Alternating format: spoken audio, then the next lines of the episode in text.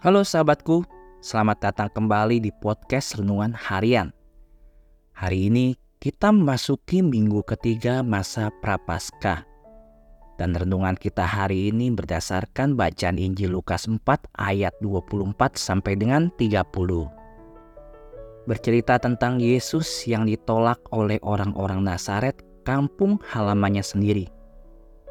Yesus berkata, tidak ada seorang nabi yang diterima di tempat asalnya, dan mengingatkan mereka bahwa di masa Nabi Elisa banyak orang Israel yang menderita kusta, namun hanya namaan orang Syria yang disembuhkan.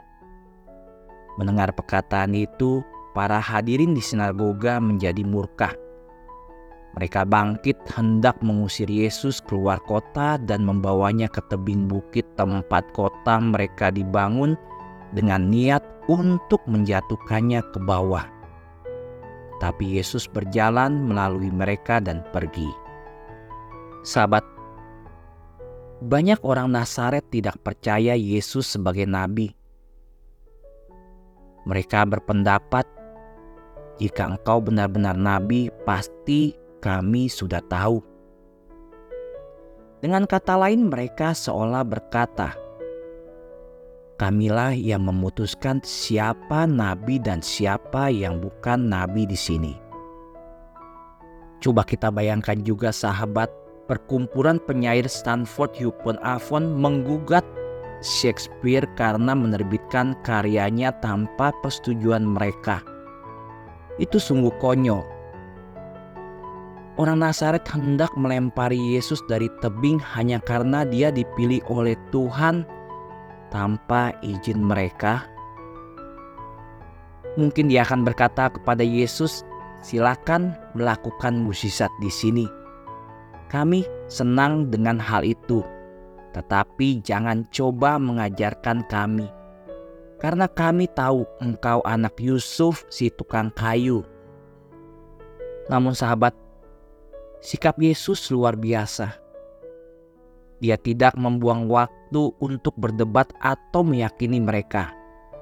Masalah mereka bukan kurang iman, tetapi mereka terlalu sombong. Ada pepatah Yunani kuno berbunyi, "Yang paling tuli adalah orang yang tidak mau mendengar." Sampai mereka melepaskan sombongan mereka, mereka tidak akan pernah menerima kebajikan supernatural dari iman. Sebuah cerita tentang Charles de Foncourt adalah pemuda kaya raya yang hidup serba bebas. Dia bahkan memiliki kekasih yang tidak ingin dinikahinya.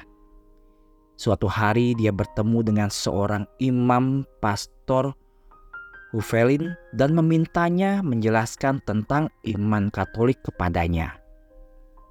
Sang imam alih-alih menjelaskan apa pun, meminta saya berlutut.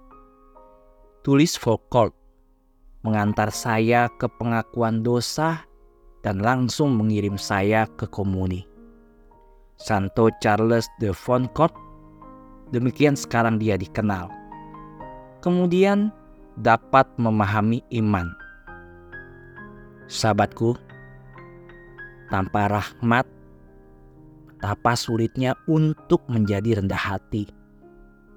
Tanpa kerendahan hati, betapa sulitnya untuk mengetahui kebenaran.